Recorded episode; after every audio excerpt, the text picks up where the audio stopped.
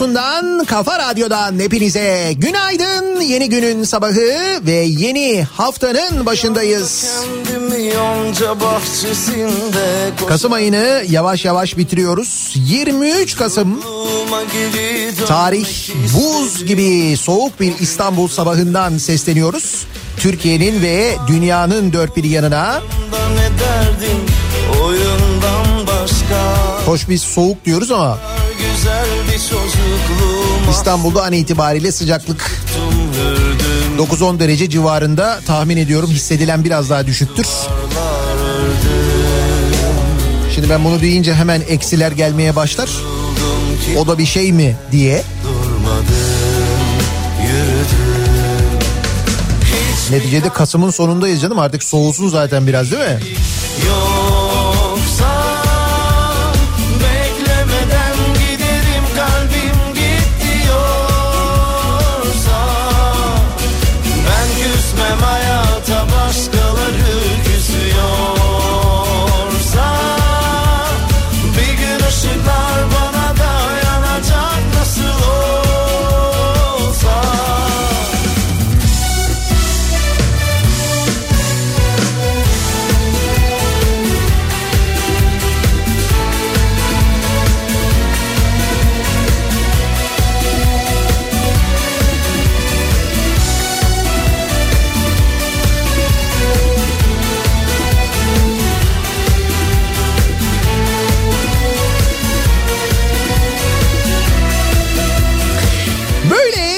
zamanların böyle soğuk günlerin, kışın kimi kokuları vardır.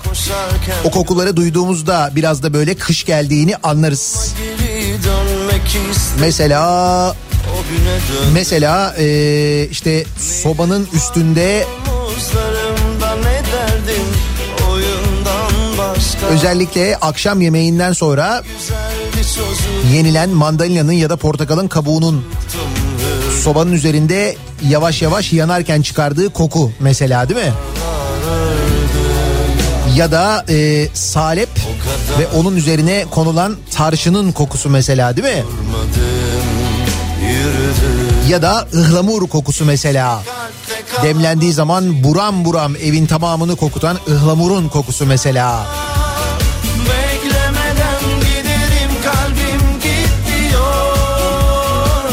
Ki ıhlamurla ilgili konuşurken biraz daha dikkatli olmamız gerektiğini fiyatından anlıyoruz. Evet. Ihlamurun kilosu 300 lira olmuş sevgili dinleyiciler. 300 lira. Kış aylarında hastalıktan korunmak ve bağışıklığı güçlü kılmak amacıyla tercih edilen ıhlamur aktarlarda kilosu 300 lirayı buldu. Vatandaş bütçesine göre 75'er gramlık paketleri 20 liradan almayı tercih ediyor. Bir gün ışıklar bana dayanacak nasıl olur Evet gramla alıyoruz. Neyse Allah'tan böyle hani çok ağır bir şey değil de e, 75 gram aldığında yine fena gelmiyor. Fakat 300 lira neymiş ya? 300.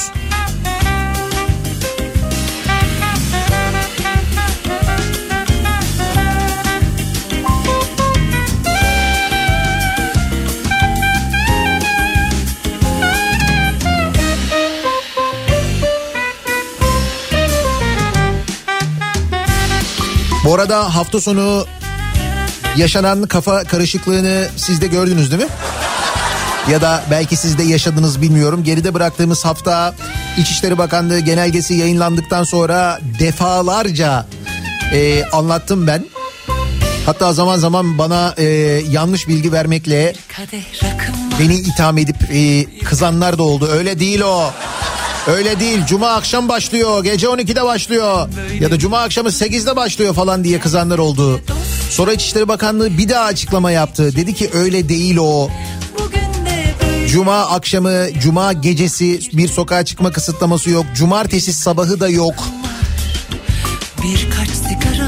Cumartesi gecesi yani cumartesi akşamı 8'de başlıyor sokağa çıkma kısıtlaması. Cumartesi akşamı 8'den pazar sabahı 10'a kadar. Pazar akşamı 8'den işte bu sabah 5'e kadar mesela. Tam olarak buydu fakat dediğim gibi e, anlaşılamamış mesele. Çünkü cumartesi sabahı da mesela sokağa çıkma yasağı var diyerek birçok insan 10'a kadar çıkmamış dışarıya. Gelen görüntülerden manzaradan bunu anlıyoruz. Ya da şöyle denilmiş. Yani ne olur ne olmaz. Ya boş ver çıkmayalım ceza meza yeriz. Çünkü ceza yiyenlerin isyanları vardı onu gördük.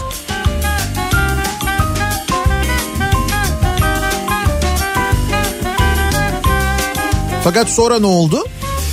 Sonra şu oldu tabii. Hani böyle e, ne olur ne olmaz diye çıkmayanlar kendilerini düşündükleri için dışarıya çıkmayanlar yani hani bu önlemlerin neden alındığını, bunun Covid sebebiyle alındığını, hastalığın çok fazla yayıldığını, bunu bildikleri için evlerinden çıkmayanlar zorunda değillerse elbette çalışmak durumunda değillerse çalışmak için çıkanlar hariç tutuyorum. Ona rağmen mesela dün saat 10'dan sonra İstiklal Caddesi'nin hali gördünüz mü? Ya da mesela alışveriş merkezlerinde ya da işte e, sokaktaki kimi restoranlarda biliyorsunuz oturup yemek yemek e, yasak. Yani al götür şeklinde ya da paket servis şeklinde olabiliyor. Özellikle alışveriş merkezlerindeki restoranlar bu e, alışveriş merkezlerinin yeme içme katları var ya bölümleri. Gördünüz mü o görüntüyü?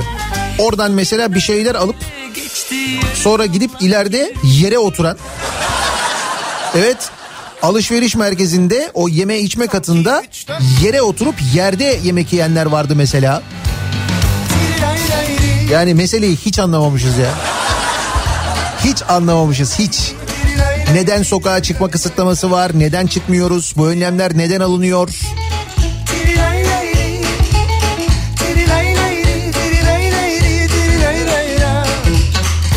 Nasılsın? İyi misin?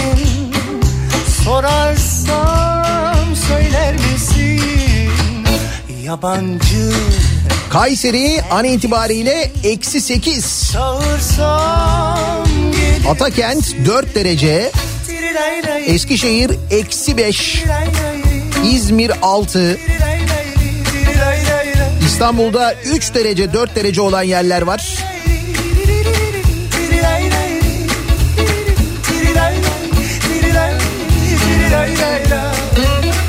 Sen başka, başka. Ihlamur var mı? Ya mesele o işte. Saz başka, saz başka, söz başka. Sabahın şu saatinde yola koyulanlar, arabalarıyla ya da servislerle işe gidenler, kim bilir belki de sabah işte hep aynı saatte aynı iskeleden vapura binme duygusunu hiç yaşamayanlar bilmeyenler. O da ne kadar güzel bir şeydir. Her sabah aynı saatte aynı iskeleden biner. Ekseriyette aynı insanlarla seyahat eder. Bir müddet sonra bir dostluk, böyle bir selamlaşma falan başlar. Sonrasında o sohbete dönüşür. Ne dostluklar e, olmuştur o sabah vapurlarında ya da akşam vapurlarında. Şimdi İstanbul'da e, vapurlarda da bir değişim göze çarpıyordur diye tahmin ediyorum. Böyle vapurla çok seyahat eden arkadaşlarım var. Onlarla konuşuyorum. Onlar da aynı şeyi söylüyorlar. Bir uygulama başlamış İstanbul'da vapurlarda. Şöyle bir şey var. Vapurda spor e, yapılıyormuş. Vapurda spor yok canım. Hatırlıyorsunuz değil mi eskiden vapurda müzik yapmak isteyenlere uygulanan mesela şiddeti falan. O müzisyenlerin e, gencecik çocukların nasıl böyle yaka paça dışarıya atılmak istendiğini falan hatırlar mısınız? Öyle şeylerin yaşandığı vapurlardan şimdi geldiğimiz noktaya bak vapurlarda spor yapılıyormuş. Şehir Hatları AŞ ve İstanbul Büyükşehir Belediyesi spor İstanbul İşbirliği'nde vapurda spor projesi hayata geçirildi. Belediyeden yapılan açıklamaya göre haftanın iki günü sabah saatlerinde dört seferde gerçekleştirilen etkinlikte yolcular spor hocaları eşliğinde oturdukları yerde egzersiz yapıyorlar. Etkinliğin ilerleyen günlerde farklı hatlarda da başlatılması planlanıyormuş kolay egzersizler oturdukları yerden yapıyorlarmış. Hocalar burada fotoğrafı da var hatta. Hoca böyle gösteriyor. İnsanlar oturdukları yerden yapıyor. Yapan var, yapmayan var, uyan var, uymayan var.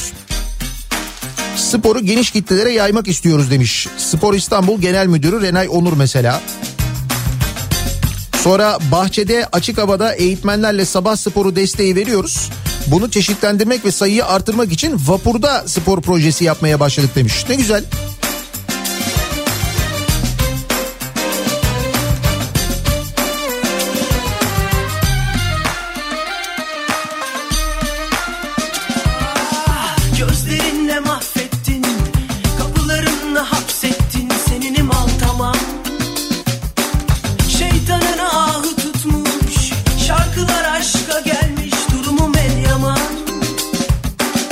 Gözlerinle mahvettin Kapılarında hapsettin Seninim An itibariyle Ankara eksi 2. Burası neresi? Abu Dhabi 22 derece. Şarkılar aşka gelmiş Durumum el yaman Tekirdağ Kapaklı 2 derece. Burası neresi? Almanya. Mandak 7 derece. Şeşicar ve bencüse Geçen hafta alınan önlemlerden bir tanesi de okulların uzaktan eğitime geçmesiydi. Bununla ilgili özellikle e, çalışan anneler ve babalar ve kreşler meselesiyle ilgili ciddi bir e, tartışma vardı. İşte bununla alakalı resmi ve özel tüm anaokulu ana sınıfı ve uygulama sınıflarında haftada 5 gün yüz yüze eğitim yapılmasına karar verildi bugünden itibaren. Okul öncesi eğitim kurumlarında günde 6 etkinlik saati yüz yüze eğitim yapılacak ve bir etkinlik saati 30 dakika olarak planlanacak diye Milli Eğitim Bakanlığı'ndan bir açıklama yapılmış. Dolayısıyla kreşler ve anaokulları, ana sınıfları ve uygulama sınıfları bugünden itibaren yeniden eğitime başlıyorlar. Bu kez veliler e, durumdan hoşnutken, memnunken kimi e, kreş öğretmenlerinden, anaokulu öğretmenlerinden tabii tepki geliyor. Bir okul öncesi öğretmeni dinleyicimiz yazmış. Maalesef bütün sınıflar uzaktan eğitime geçtiği halde biz haftada 5 gün yüz yüze eğitime devam etmek zorunda bırakıldık. Bu kadar vaka artışı ve riske rağmen çok üzgünüz. Hiç bu kadar kendimizi değersiz hissetmemiştik diyor. İşin bir de bu tarafı var. Salla beni salla salla Bunları zarları salla salla beni salla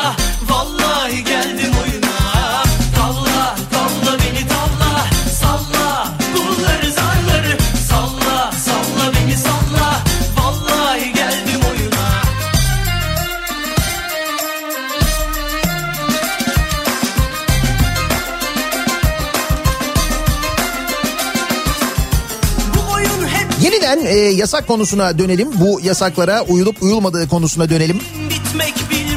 İşte dedim ya bu kadar önlem alındı. Cumartesi sabahı yanlış anlaşıldı. Sokaklar bomboş kaldı falan ama işte dün saat 10'dan sonra Taksim Meydanı ve İstiklal Caddesi eski yoğunluğuna döndü. Maske takma kuralına genelde uyuluyor. Görüntülerden öyle anlaşılıyor ama yine de böyle İstiklal Caddesi tıklım tıklım. Büfelerin önünde uzun kuyruklar ve kalabalıklar oluştu aynı zamanda. İstanbul'da sadece iki günde yasak ihlaline 1.7 milyon lira ceza kesildi. Evet 1.7 milyon lira iki günde İstanbul'da kesilen ceza. Sadece bunlar değil. Sadece İstanbul'da da değil başka şehirlerde birçok yerde daha neler neler yaşandı. Onları da konuşacağız. Ama hemen dönelim bakalım pazartesi sabahı trafiği ne durumda?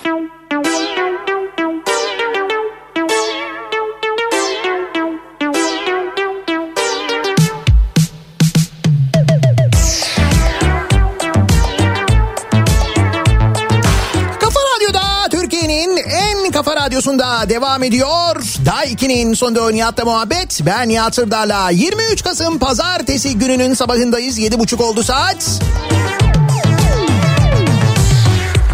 Sokağa çıkma yasaklarıyla geçen bir hafta sonu oldu. Cumartesi ve pazar. Bugün sabah 5'e kadardı sokağa çıkma yasağı. Peki ne oldu gündüz? Yani sokağa çıkma yasağının olmadığı saatlerde ne oldu?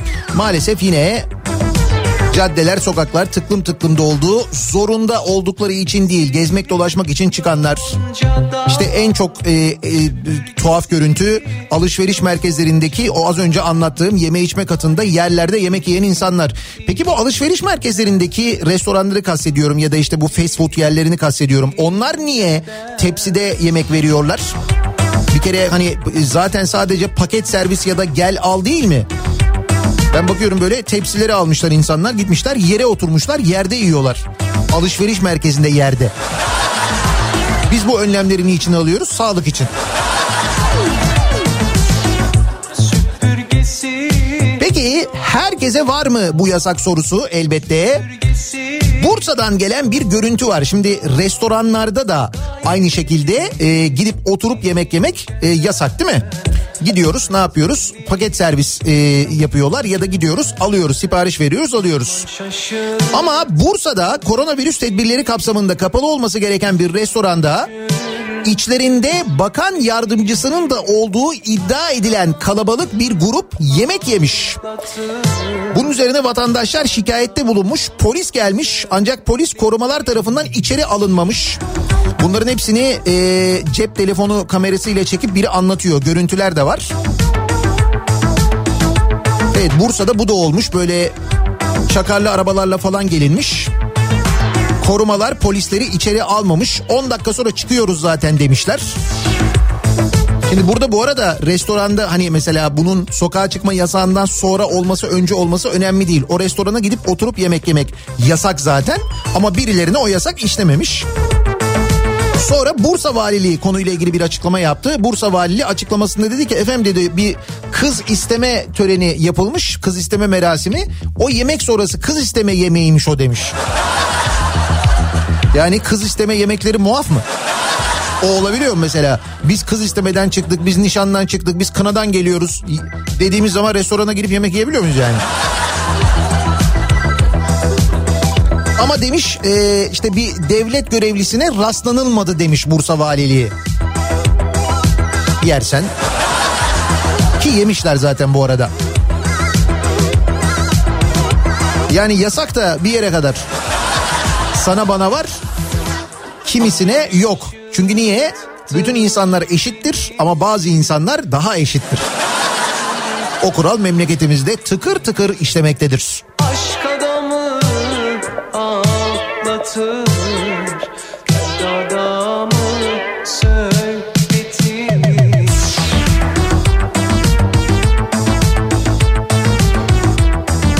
Marketin altından meyhane çıktı haberi var.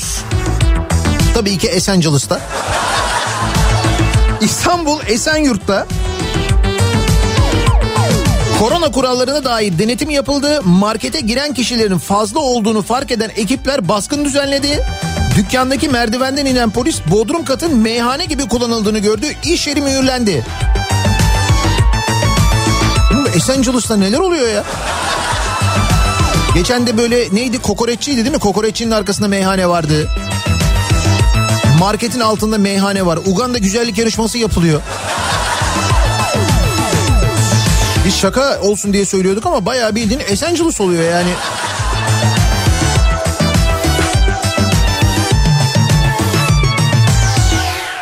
Konya'da masaya servis kavgası çıkmış mesela. Şimdi Bursa'da diyorum ya Bursa'da gitmişler girmişler. Yemişler içmişler o sırada vatandaşlar görüntülemişler bakın demişler biz girip oturamıyoruz restoranlarda biz açamıyoruz restoranımızı demişler.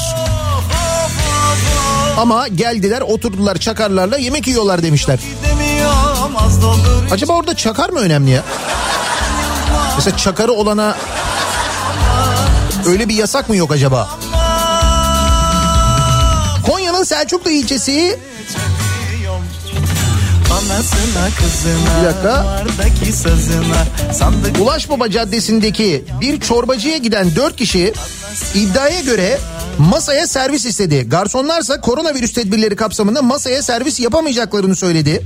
Bunun üzerine çıkan tartışma kısa sürede büyüyüp sokağa taştı. Çevredeki esnafın da karıştığı kavgada taraflar birbirine taş ve sopalarla saldırdı. Mevzu ne? Çorba. İki kişinin aldıkları darbelerle yaralandığı kavgaya ilk müdahale olay yeri yakınındaki trafik polisleri tarafından yapıldı. İki yaralı ambulansla hastaneye götürüldü. Bir süre sonra yaralıların yakınları ellerinde pompalı tüfeklerle şu çorbacıya geri geldi. Çorba lan. Yani çorba sadece mesele yani. Artık nasıl güzel bir çorbaysa. Ne çorbası acaba? Pompalı tüfekle, tüfekle geliyor mesela. O taranayı içeceğim ben. Eller yukarı tarana masaya. Çabuk.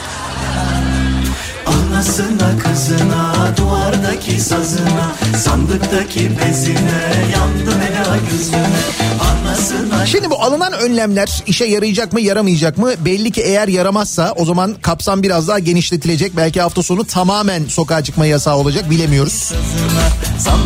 Umalım da vaka sayılarına yansısın çünkü azalmak bir tarafa giderek çok daha fazla artıyor. Hastanelerde yer bulunamaz noktaya gelinmiş vaziyette.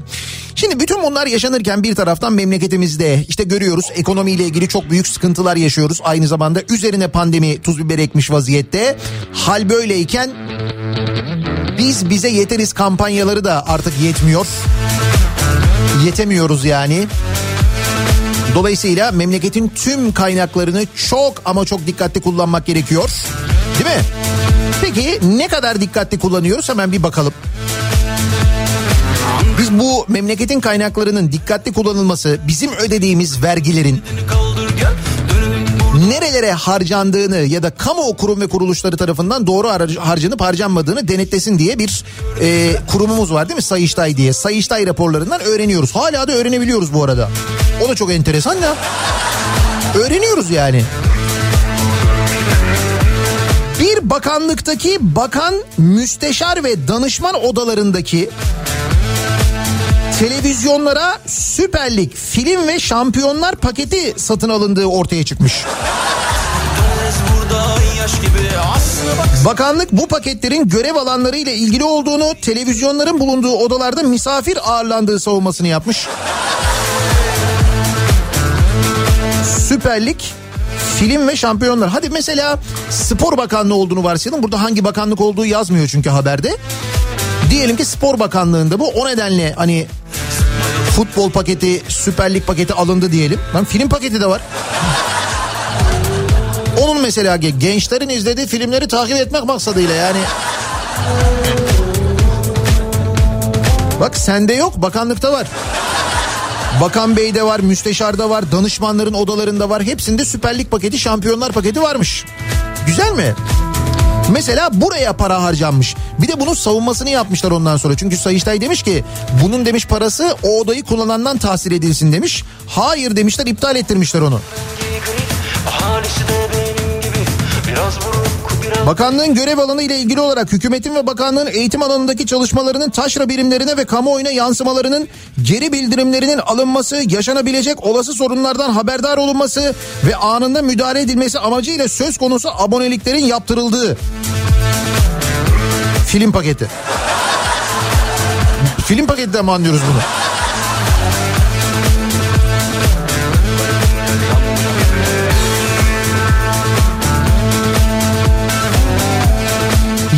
Mesela uçaklar için harcadığımız paralar. Türkiye'nin uçak filosu Avrupa ülkelerini geçmiş vaziyette. Son olarak bildiğimiz 16 uçağımız var ki bunların e, birçoğu geniş gövdeli uçaklar. Bir tane de hediye geldi biliyorsunuz 747. O 747'nin haricinde bir tane A340 var 4 motorlu. Bir tane A330 var geniş, geniş gövdeli. 1, 2, 3. Üç tane mi dört tane mi geniş gövdeli uçak var? Kaç yalanla yıkılmaz aşk soruşturmadım. Bu arada e, Almanya'da 12, Fransa'da 14, İtalya'da 11, Japonya'da ise kamuya ait 2 özel uçak bulunuyor. Aralık Japonya 2. döner elbet sonu Şimdi mesela Japonya'nın iki uçağı var diye biz Japonya'ya şey gözüyle bakıyor muyuz? Ay ne fakir ülke. Yapıyor muyuz bunu mesela? Ya da Japonya'nın itibarında bir eksilme oluyor mu? Olmuyor değil mi? Peki bizim neyimize 16 tane uçak? 16. dışarısı cadı kasa. Ha bu arada bu uçakların sayısı ile ilgili bu kadar çok böyle farklı rakam konuşulunca sorulmuş uçaklarla ilgili durum. Hani özellikle bu geçen hafta Kıbrıs'a pikniğe 8 uçakla gidildi ya. Bu konu yeniden gündeme gelmiş. Cumhurbaşkanlığına ait kaç uçak var sorusuna Cumhurbaşkanı yardımcısı sorunun muhatabı Ulaştırma Bakanlığı'dır cevabı vermiş. Ulaştırma Bakanlığı'na sormuş bu kez muhalefet demiş ki kaç uçak var? Bizim bilgimiz yok demiş Ulaştırma Bakanlığı da. E kim biliyor bunu? CHP Muğla Milletvekili Mürsel Alba'nın aynı konudaki soru önergesini ise Tarım ve Orman Bakanlığı'na sevk edilmiş. Tarım ve Orman Bakanlığı mı? Anlamadım ben şimdi mesela Cumhurbaşkanı'nın kullandığı uçakları Cumhurbaşkanı'na soruyorlar. Orası bilmiyoruz. Ulaştırma Bakanlığı bilir diyor. Ulaştırma Bakanlığı soruluyor. Ulaştırma Bakanlığı biz bilmiyoruz diyor. Tarım Bakanlığı'na mı sevk ediyor? Baya dalga geçiyorlar.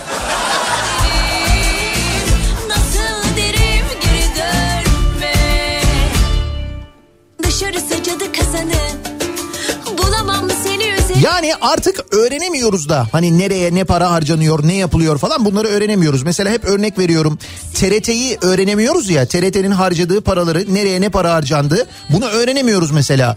Kaç yıldır iki yıldır mı üç yıldır mı TRT'nin hesapları açıklanmıyor. Halbuki TRT bizden alıyor parayı üstelik her şeyden alıyor. TRT'ye zaten genel bütçeden bir pay ayrılıyor yani bizim ödediğimiz vergilerden zaten bir para gidiyor. 800 Elektrik faturalarında düşünün hepimiz elektrik abonesiyiz. TRT'ye pay ödüyoruz. Hepimiz aboneyiz ve hepimizin ödediği paraları bir hesap edin ne kadar para gittiğini. Otomobil alıyoruz TRT'ye para ödüyoruz. Cep telefonu alıyoruz TRT'ye para ödüyoruz. Bilgisayar alıyoruz, tablet alıyoruz, TRT'ye para ödüyoruz. Peki nereye harcanıyor bu paralar diye soruyorsun. Diyorlar ki ticari sır. 800 aşk TRT ya. Ne ticari sırrı?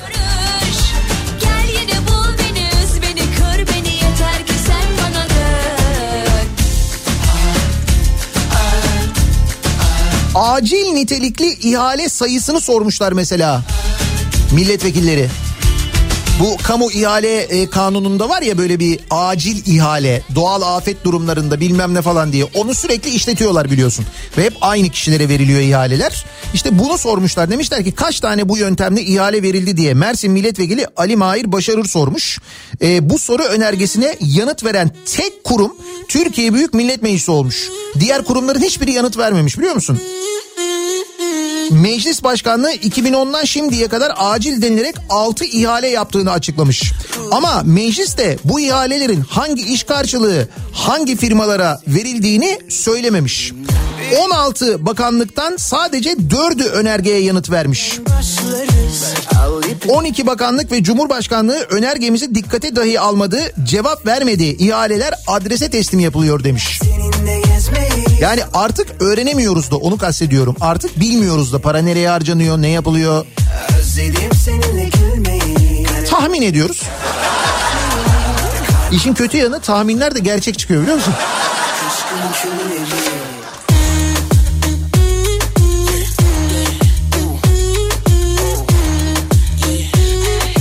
Ram-pa-pa-pam, ram-pa-pa-pam. Bak mesela o tahminlerden bazıları. Hani bu bu aralar böyle bir reçeteden bahsediliyor ya acı reçeteden bahsediliyor. O tabii sana bana. Öyle herkese acı reçete yok. Kimilerinin reçetesi ballı. Çünkü kimileri zaten ballı. Yani onlara o reçete zaten olmaz. benim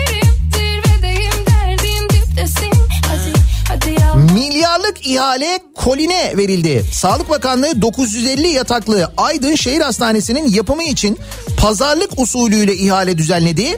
İhaleyi Kolin İnşaat ve Z Yapı Ortaklığı açık ihale yerine pazarlıkla aldı. Samsun Şehir Hastanesi ihalesi de 1 milyar 69 milyon liraya Gürbağ şirketine verildi. Tanıyor muyuz arkadaşları? Tanıyoruz. Birine 1 milyar 69 milyon, birine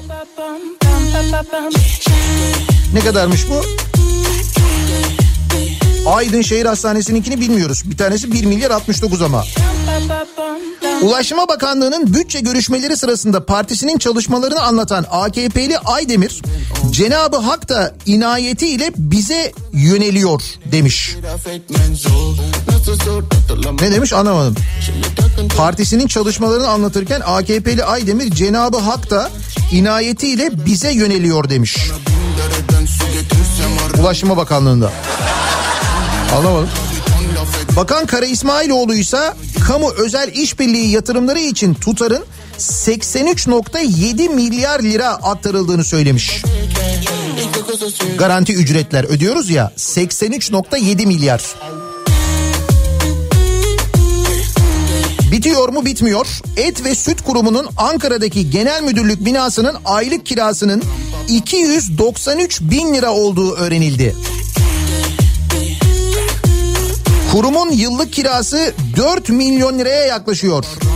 Bu para kimlere ödeniyor diye sorulmuş. E, KİT komisyonu toplantısında Et ve Süt Kurumu'nun Ankara'daki genel müdürlük binası kiralıkmış. 263 bin lira ödeniyormuş. Hey, bunu öğrenmemiz bile bence bir şey. Ha, ama şimdi bu rakamlar böyle çok aman büyük rakamlar falan değil diyorsanız o zaman şu rakamla ilgili konuşalım. Ama bu rakamı vermeden önce bir bilgi vereceğim ben. Şimdi aşı konusu dünyanın gündeminde en çok o konuşuluyor. E, aşının ne zaman yapılmaya başlayacağı ile ilgili konuşuluyor. Çünkü o ülkeler e, şimdiden aşı anlaşmalarını yapmış vaziyetteler. Yani işte mesela en çok konuştuğumuz BioNTech'in e, geliştirdiği Almanya'da geliştirilen aşı, BioNTech'te Pfizer'in yaptığı aşı ve bu aşıya bir güven genel olarak daha fazla var. Ve bu aşının üretiminin kapasitesinin tamamı neredeyse şimdiden kapatılmış vaziyette.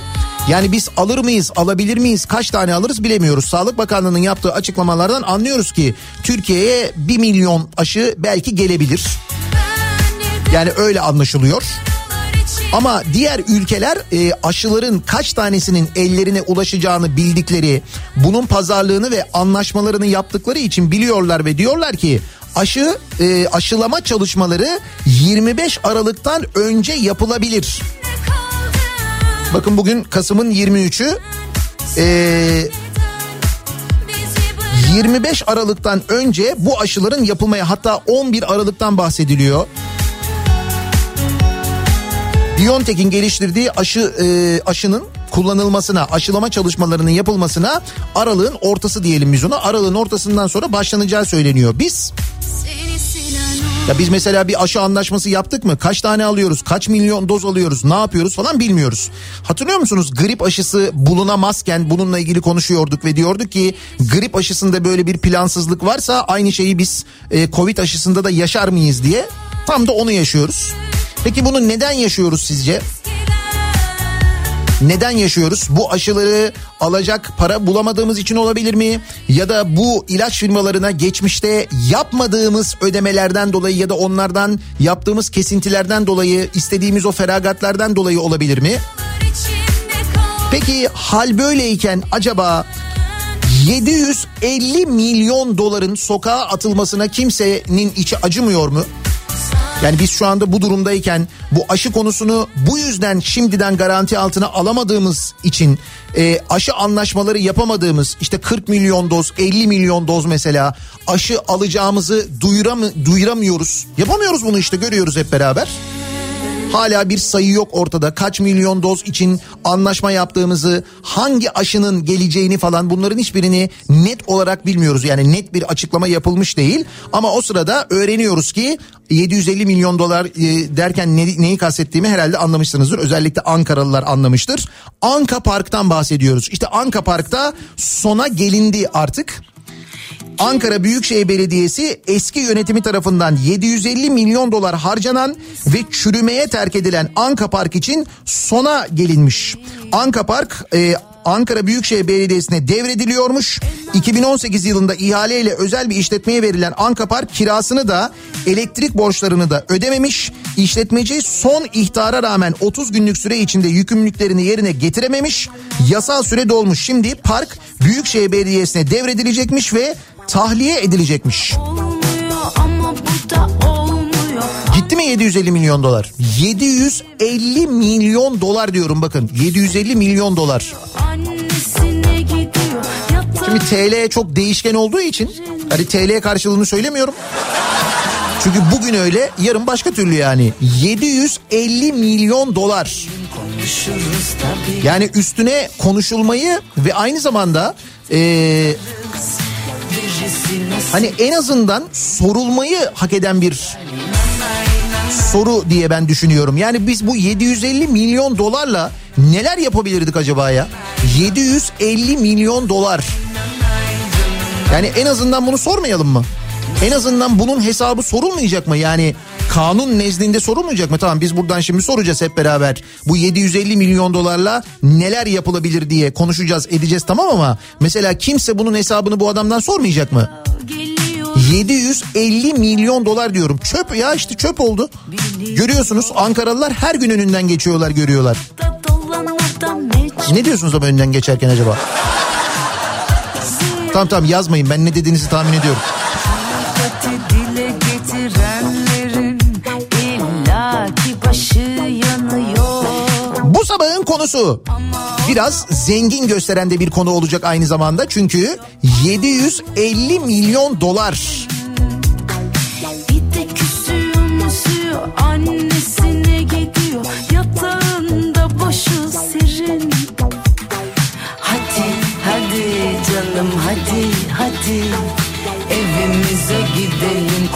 Ankara'nın ortasına hem de Atatürk Orman Çiftliği'ne yapılan 750 milyon dolar harcanan Anka Park ihaleyi alan şirket ödeme yapmadığı için tekrar belediyeye geçiyor. Taşınması gündemde. Peki sizce o 750 milyon dolarla neler yapılabilirdi bu ülkede acaba diye soruyoruz dinleyicilerimize.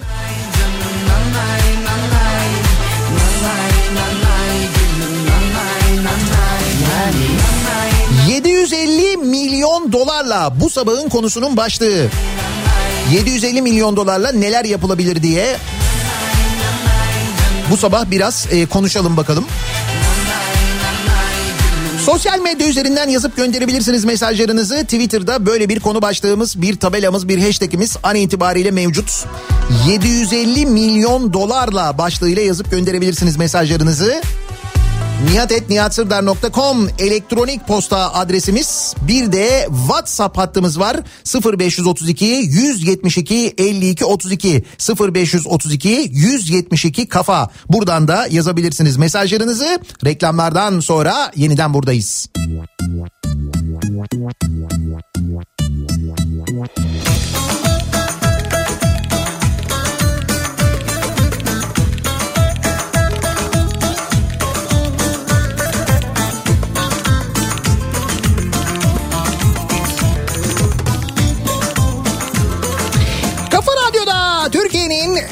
Kafa radyosunda devam ediyor.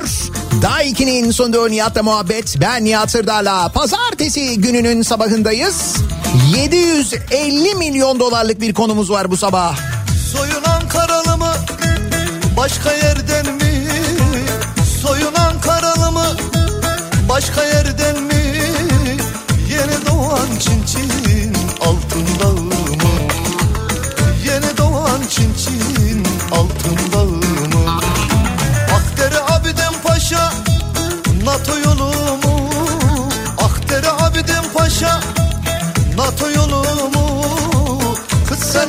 Ankara'nın Neresindensin?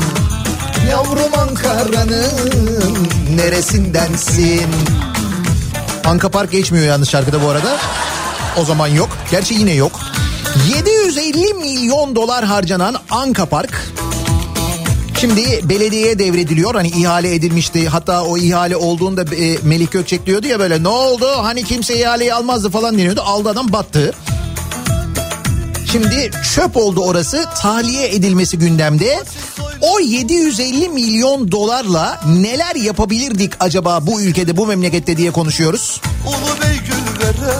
Tabii Ankaralılar için daha e, acı bir soru bu. Ya düşün 750 milyon dolarla Ankara'da kim bilir neler yapılırdı da. Kızılay Sıhhiye Maltepe'den mi? Kızılay Sıhhiye Maltepe'den mi? Kız sen Ankara'nın neresindensin? Yavrum Ankara'nın neresindensin? Tedavileri devlet tarafından karşılanmayan 288 SMA hastası çocuk tedavi ettirilebilirdi mesela. İlacın tanesi 2.6 milyon dolar kampanyalar düzenleniyor. SMA hastası çocuklar için biliyorsunuz. İşte 288 çocuk tedavi ettirilebilirdi bu parayla mesela. 288 can kurtarılabiliyor. Düşünün daha kıymetli bir şey var mı? Gözlerinden akan aşkın selimi Yeni mahallesince keçiöre Bu dinozorları atacaklarsa bir tanesini ben alabilir miyim gibi istekler var. Ne yapacaksın diyor sorum kapıya bağlarım diyor. Çocuklar oynasın. Ayrancı'dan mı? Kız sen Ankara'nın Bu 750 milyon doları Melik Gökçek kendi cebinden ödemiş herhalde. Yoksa Ekrem İmamoğlu'na 3 kuruşluk ya Kanal ya İstanbul afişlerini kamu kaynağıyla yaptırdığı için soruşturma açanlar herhalde Melik Gökçek'e de sorarlar değil mi? Bilmem herhalde Melik Gökçek'e sorulacak değil mi? Yani bunun hesabını herhalde birileri soracak. Sen işte böyle böyle bir şey yaptın 750 milyon doları harcadın bak böyle çöp oldu falan diye mutlaka bir soru sorulacaktır diye tahmin ediyorum ben de. Ya da o soru sorulmasın diye mi acaba? Hani geçenlerde böyle bir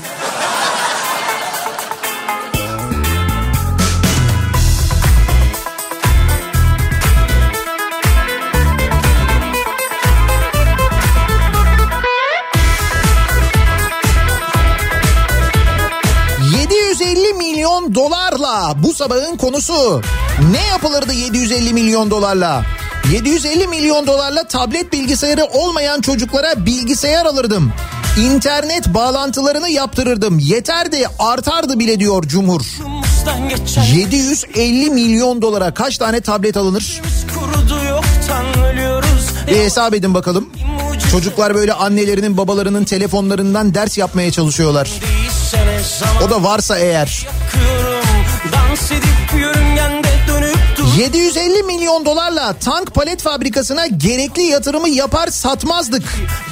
Tıbbi malzeme ve ilaç borcumuz olan yerli ve yabancı firmalara borcumuzun en azından bir kısmını öderdik. kişiyi yakıyorum Dans edip yörüngende dönüp dur O zaman belki bizi bu aşı konusunda böyle zorlamazlardı değil mi? Kaldırsan görürsün belki Bak karşında duruyor aradığın Hollanda Sağlık Bakanlığı aşı anlaşması yaptığı şirketleri ve miktarları açıklamış sevgili dinleyiciler. Toplamda 30 milyon kişi için aşı anlaşması yapılmış. AstraZeneca'dan 11.7 milyon, BioNTech, Pfizer'den 7.8 milyon, Moderna'dan 3.1 milyon, Janssen'den 7.8 milyon, CureVac'tan 8.8 milyon, Sanofi'den de 11.7 milyon. Ha bunlar ödedikleri paralar. Bir de yanında e, aşı miktarları var. Toplam 30 milyon aşı için anlaşma yapmış. Bunları duyurmuş Hollanda. Biz Bak karşında duruyor aradığın kişi Bugün değilse ne zaman ateşi yakıyorum Dans edip yörüngende 750 milyon dolarla bitmez o iş. O bölgenin kaldırılması için ayrı bir maliyet daha olacak. Ayrıca madem Japonların iki tane uçağı varmış bir uçak alıp hediye edebiliriz. 750 milyon dolara kaç uçak alırız ya? Bir uçak olur mu? Daha fazla olur o. 747'den e, iki tane alırız diye tahmin ediyorum ben. Gerçi tabii içi öyle olmaz. Biz alırız veririz artık onlar da içini bilirse yapsınlar canım Allah Allah.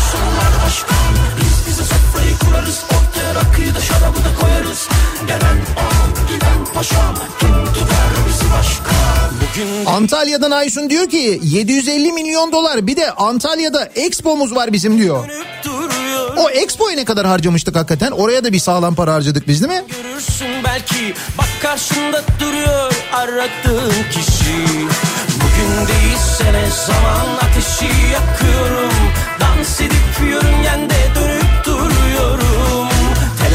Telefondan kafanı kaldırsan görürsün belki Bak karşında duruyor aradığın kişi 750 milyon dolara fabrikalar kurulur, iş imkanı sağlanabilirdi insanlara diyor mesela Aytekin. Ne kadar saf bir düşünce.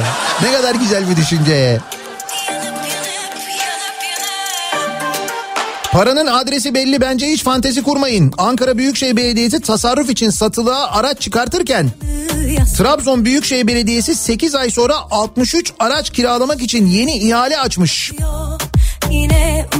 Peki siz Murat Ağırel'in e, Twitter hesabında dün yayınladığı belgeyi gördünüz mü? Murat Ağırel'i biliyor musunuz? Yaptığı haberler yüzünden cezaevine girdi çıktı.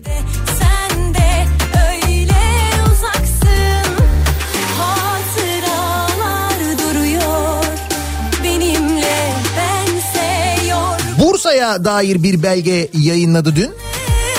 Bursa Belediyesi temsil ağırlama hesabından bunu Bursalılar çok dikkatli dinlesinler bakın Bursa'da bizi dinliyorsanız önemli.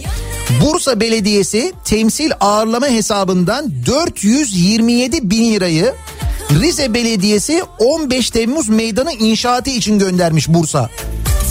Yani Bursa Belediyesi Rize Belediyesi'ne 15 Temmuz meydanı inşaatı için 427 bin lira göndermiş. Demek ki Bursa'nın bütün ihtiyaçları bitmiş. Demek ki Bursa'da yapacak hiçbir şey kalmamış. Demek ki Bursa'da hiçbir şey eksik değil. 427 bin lirayı Rize'ye göndermişler.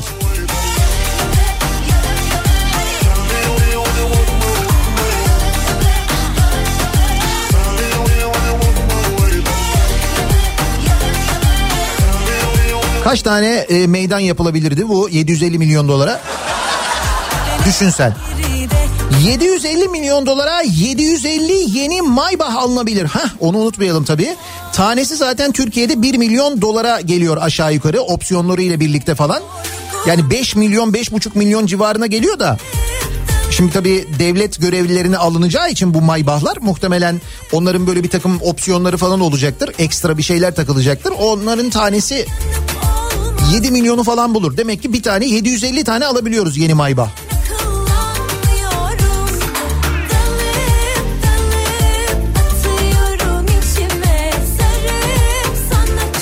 Öyle ya şimdi yeni kasası çıkmış. Eski kasasından bilinecek yani. Ne kadar ayıp.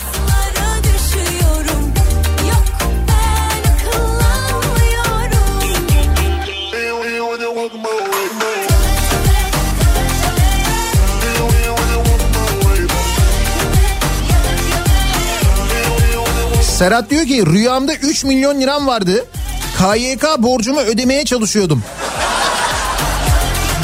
750 milyon dolarla ne yapılır onu düşünemiyorum biraz fazla bana diyor. Tabii şimdi hayal kurmak için fazla da hani biz bu parayla ne yapılabilir falan diye düşünüyoruz. Mesela 750 milyon dolarla hani çok güncel bir konu 37 milyon 500 bin kişiye bedava koronavirüs aşısı yapılabilir. Şu andaki fiyatlarla 750 milyon dolarla 37 milyon 500 bin Türkiye Cumhuriyeti vatandaşına bedava aşı yaptırabiliyorsun. Hem de BioNTech'in aşısından yaptırabiliyorsun iyi mi? Peki biz bu aşıları bedava mı olacağız sizce? Bir tahmin edin. Bak görüyorsun e, şu anda test fiyatları ile ilgili tartışma devam ediyor. O aşıda kim bilir neler yaşayacağız göreceğiz. Bir ay içinde iki ay içinde umuyorum göreceğiz tabii. Yakin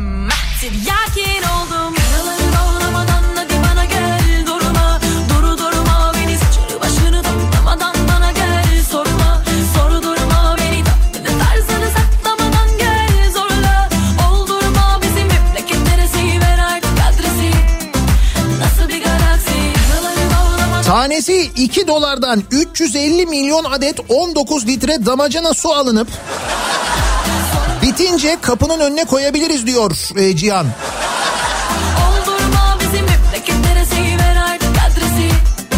Ben bir şey rica edebilir miyim? Ee, belki biraz maliyetli olabilir ama belki bunu e, işte böyle hani şeylerden atık plastikten falan yapabiliriz. Bu Anka Park'ın olduğu yer olur da boşaltılırsa eğer o alan boşaltılırsa muhtemelen öyle olacak. Belki orası tarım için kullanılacak. Belki Atatürk Orman Çiftliği arazisi olduğu için mesela eski haline döndürülecek, yemyeşil yapılacak falan bilmiyorum. Ama bir tane oraya bu 750 milyon doların hatırası anısı olarak böyle biraz büyük boş bir damacana yapabilir miyiz? Yani bir zamanlar paraların nasıl israf edildiğini anlasın Ankaralılar unutmasın hatırlasınlar diye altına da böyle bilgilendirme yazısıyla böyle büyük bir boş damacana oraya. Olur mu? Ya ben Ankaralıların buna karşı çıkacağını sanmıyorum da o yüzden soruyorum.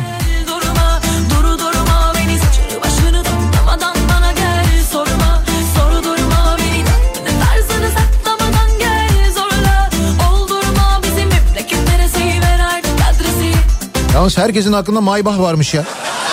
Herkes diyor ki sıfır Maybach alalım diyor. Üzülüyoruz değil mi bir de Maybach'a binemeyince? Biz değil canım onlar binemeyince yani. Biz, bizle alakası yok onun. oldurma bizim memleket neresi ver artık adresi.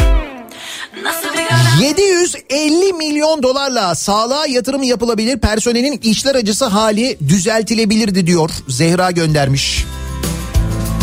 Söz verilen ödemeler yapılabilirdi en azından değil mi? Ek ödemeler. Yine mi bela, yine mi bela, Ankara'nın girişine dev bir boş damacana heykeli yaptırırım. Üzerine bıyık ve gözlük çizerim kalan parayı halka dağıtırım diyor 750 milyon dolarla. Ben bence o 750 milyon doları unutturmamak lazım yani kesin unutturmamak lazım. Ha hesabını da sormak gerekiyor elbet ama bugün sorulur mu? Bugün bence zor. Ama mutlaka onun hesabı sorulur merak etmeyin. Uyusam rüyalara Leyla Leyla 750 milyon dolarla Fransa'ya ne ambargo uygulardık belli değil. Say ne oldu Fransa ambargo işi? Şimdi Avrupa Birliği falan diyoruz yine. Canım onun üzerinden o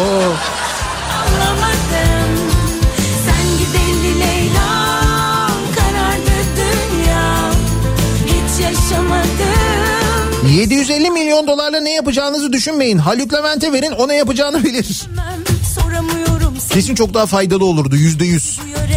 Bizi bu töre bir araya getirmez Sana da yazık bana da yazık yazık her şeye Bu kara bela bu kara ceza nedir çektiğimiz Leyla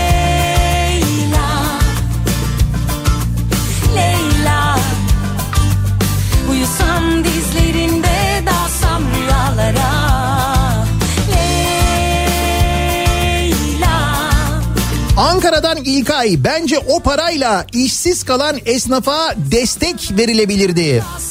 750 milyon dolarla düşünsenize. Mesela bu pandemi döneminde kapılarını kapatmak zorunda kalan çalışmayan iş yerlerine verilecek desteği hayal edin.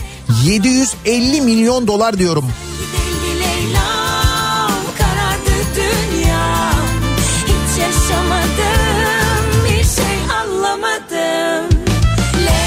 750 milyon dolara iki tane Airbus A380 alabiliriz. Filoyu gençleştirmemiz lazım. san dizlerinde A380 bak. 747 de değil yani. He? Yalnız A380 üretim bildiğim kadarıyla bitti artık üretilmeyecek değil mi? Sana canım dalsam rüyalara Şimdi biz aşıya para öder miyiz ödemez miyiz diye düşünüyoruz konuşuyoruz ya. Bizde aşı ücretsiz olur mu acaba falan diye. Ee, diyor ki dinleyicimiz aşı özel tüketim deyip ÖTV almasınlar yeter diyor. Ha, bir de o var değil mi? KDV de alırlar kesin. Tabii canım.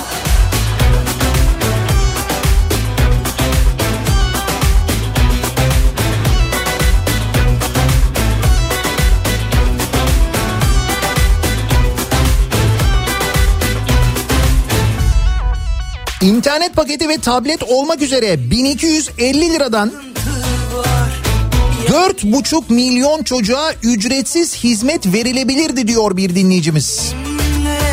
Ki siz bu kadar yüksek e, adet alım yapacağınız zaman bu fiyat daha da düşüyor biliyorsunuz. Abi bir Ankara'da bir kahvaltı yapalım dedik boğazımıza dizdin. Zaten her sabah gözümüzün önünde. Niye hatırlatıyorsun?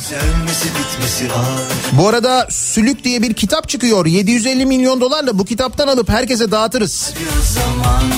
Öyle mi? Neymiş kitabın ismi? Sülük. Okuyalım bakalım. Yalnız gerçekten de dinleyicimizin iş yeri direkt Anka Park'ı görüyor biliyor musun? Manzara direkt orası yani. yan o zaman Hadi o zaman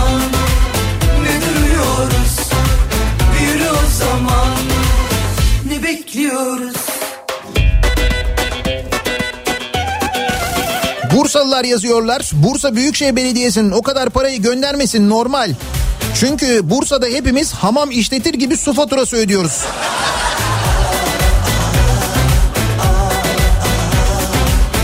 Ben bilmem demek ki Bursa'da artık ihtiyaç kalmamış ki herhalde böyle şeyler yapıyorsunuz. Seçimlerden önce gönderilmiş o para galiba yerel seçimlerden önce. Biz 1.7 milyar lira harcanmıştı Antalya Expo'ya. Ne yanlış 1.7 milyar mı? Ciddi mi ya? O kadar harcandı mı? Gerçi 750 milyon dolar diyorum ben de. Sarıl bana sıkı tutun öyle gidelim Deli deli sevişelim ölüp bitelim Ankara gücüne Messi, Ronaldo ve Neymar'ı alırdım. 750 milyon dolarla ne yapabilirdik diye konuşuyoruz. Anka Park'a gömdüğümüz parayla Ne yaparsan 15 seramik fabrikası kurulur. 7500 kişiye direkt iş sağlanabilirdi diyor Mustafa. yan o zaman Hadi o zaman Ne duruyoruz Yürü o zaman Başımıza ne geldiyse eğitimsizlikten geliyor. Tanesi 25 milyon dolardan 30 adet okul yaptırılabilir mesela. 25 milyon dolar da okul için çok iyi para ha. Madem 25 milyon dolar harcıyoruz e, o zaman mesela okul gibi düşünmeyelim köy enstitülerini düşünelim mesela. Memleketin dört bir yanına 30 tane köy enstitüsü kursak aynı mantıkla. Onu günümüze uyarlayarak mesela yapsak ne güzel olur değil mi? Olurdu. Anka Park'a gömmeyeydik o parayı. Yürü o zaman Ne bekliyoruz Ne yaparsan yap 750 milyon dolarla tam 75 müteahhite 10 milyon dolarlık ihale verebilirdik. Hadi o zaman 10 milyon dolarlık ihale mi olur be? Ne kadar küçük düşünüyorsun. 10 milyon dolarlık ihale neymiş? Al bak daha demin söyledim ben sana. Yani o köprülerin, otoyollarının falan verildiği ihalelerin miktarlarını falan bir düşünsene sen.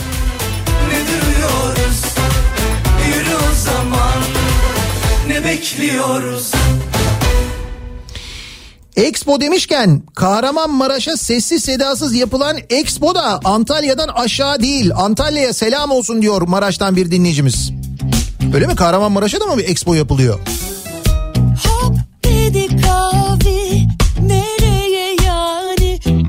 Hayır parası batsın. O park için Atatürk Orman Çiftliği'ni dümdüz edip dünya kadar ağaç kestiler.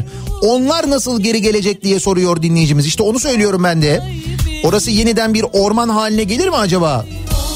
olacak sır ver şimdi 750 milyon dolara depremzedeler için kaç konut yapılırdı?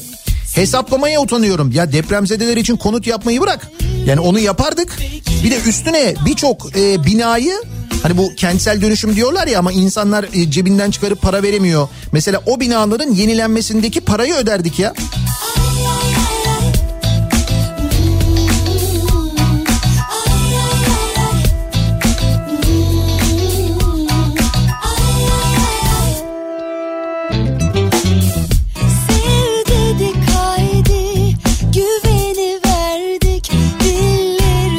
Aşı ile ilgili konuşuyoruz. Aşı konusunda da bir beklenti var bu arada. isteyen adam E, diyorlar ki Limak, e, Colin, Demirören konsorsiyumu aşı bulur belki diyorlar. Öyle bu kadar para ödüyoruz herhalde bulurlar yani.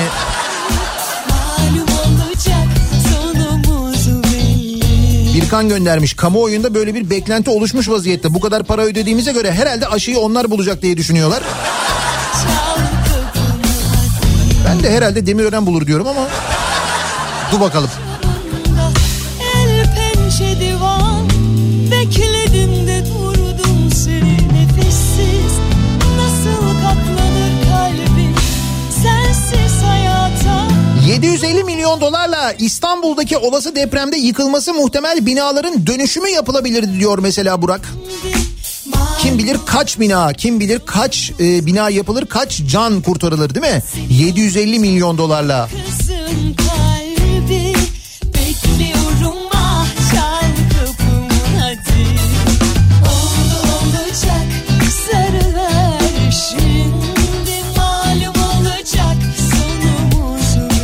750 milyon dolarla ilgili konuşuyoruz. Nedir bu 750 milyon dolar? Ankara'ya yapılan Anka Park var ya.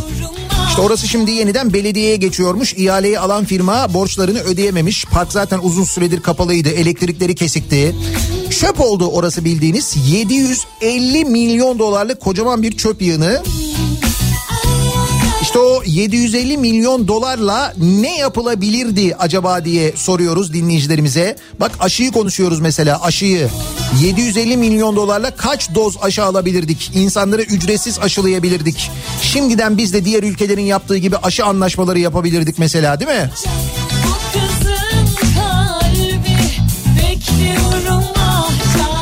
Sizce ne yapılabilirdi? 750 milyon dolarla bu sabahın konusu reklamlardan sonra yeniden buradayız.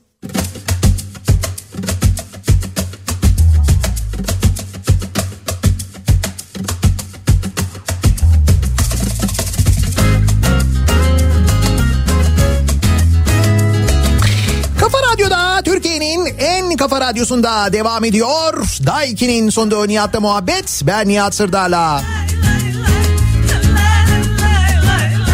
23 Kasım pazartesi gününün sabahındayız. Pahalı bir konumuz var bu sabah. 750 milyon dolar değerinde. TL karşılığını varın siz hesaplayın çünkü bugün başka yarın başka oluyor ama 750 milyon dolar. Nedir bu 750 milyon dolar? Eski Ankara Büyükşehir Belediye Başkanı Melik Gökçek'in kişisel zevkim diyerek harcadığı Ankara'ya Anka Park diye inşa ettiği bir ucubeden bahsediyoruz. O 750 milyon dolara mal olduğu işte. Şimdi o ucube bir çöp haline geldi. Belediyeye iade ediliyor. İhaleyi alan firma para da ödememiş. Dolayısıyla o 750 milyon dolarla ne yapılabilirdi acaba diye konuşuyoruz. Böylesine har vurup harman e, savrulan bir parayla, çarçur edilen bir parayla ne yapılabilirdi? Yüzlerce tip 1 SMA hastası bebek için tedavi yapılabilirdi. Böyle kampanyalar yapılmak zorunda kalmazdı mesela en başta söyledik. 750 milyon dolar.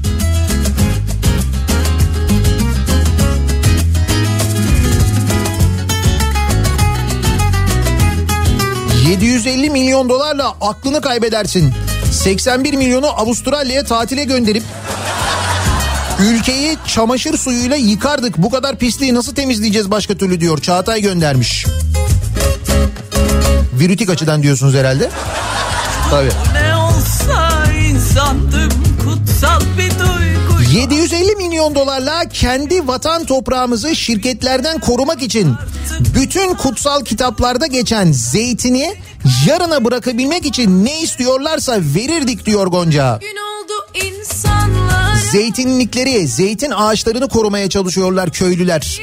Maden şirketlerine karşı Ege'de biliyor musunuz takip ediyor musunuz?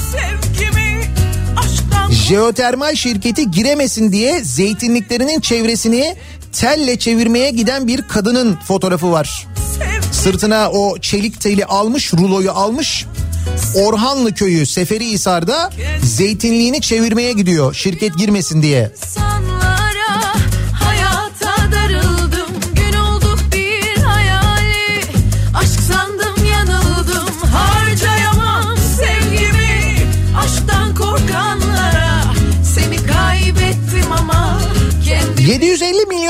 bence en doğru yatırım çiftçiyi, tarım ve hayvancılığı desteklemek olurdu. Paramız var ki alıyoruz demezdik. Ürettiğimizi hem kendimiz yer hem de yurt dışına satardık. Çünkü kalkınmanın yolu üretimden başlar. Şimdi bu aralar yine böyle bir söyleniyor bu işte. Üretim çok önemli. Üretim, üretim, üretim falan deniyor. Öte tarafta Tarım Bakanı var. Paramız var ki alıyoruz diyor. Hangisi yani? Yani hangisini söyleyen doğru söylüyor?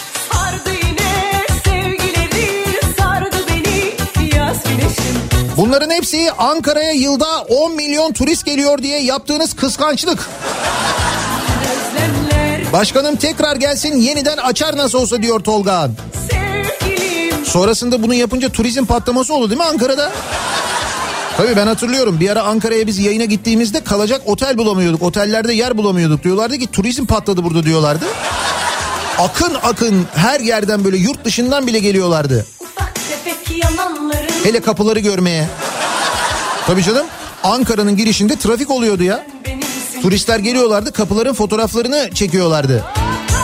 İçimde yangını yılların sırdaşıma Gel sarıl be canım sen bir 750 milyon dolarla Bursa'ya yardım ederiz. O da Rize'ye yardım eder. E tabii şimdi Bursa'ya parayı gönderince o da Rize'ye gönderiyor.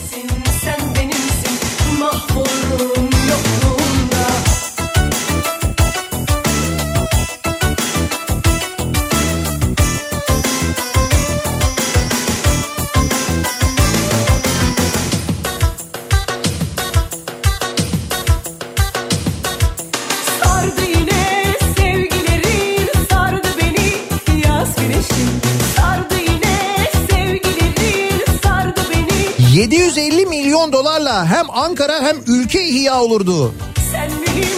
Akılcı harcansa değil mi? Ne kadar e, verimli olurdu 750 milyon dolar. Yani 750 bin lira deseniz tamam da 750 milyon doları düşünemiyorum ben diyor Serkan.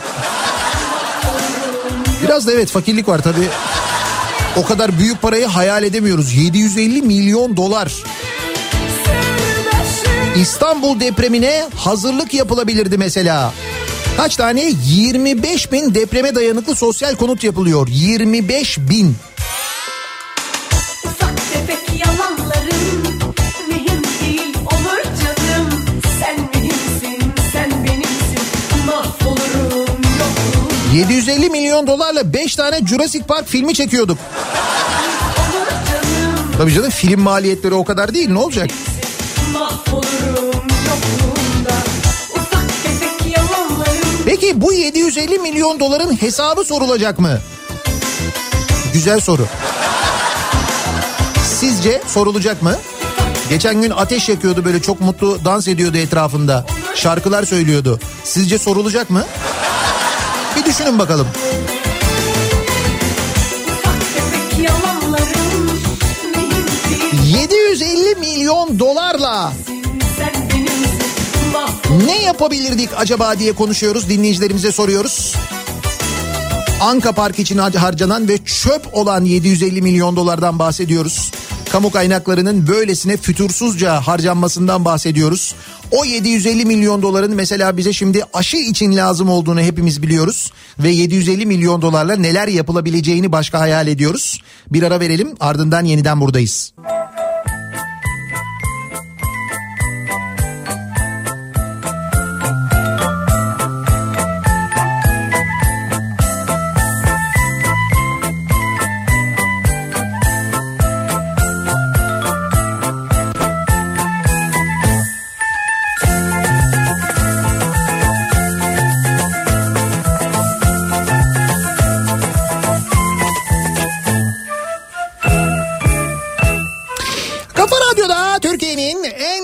radyosunda devam ediyor. Daiki'nin sunduğu Nihat'la muhabbet. Ben Nihat Sırdar'la 23 Kasım pazartesi gününün sabahındayız.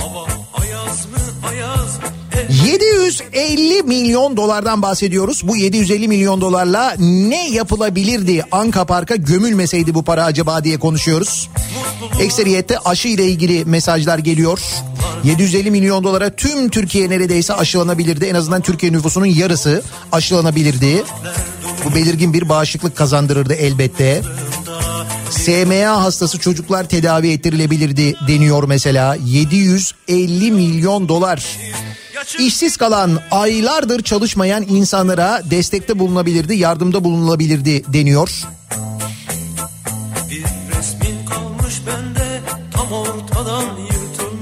KYK borçları kapatılabilirdi, ödenebilirdi deniyor mesela.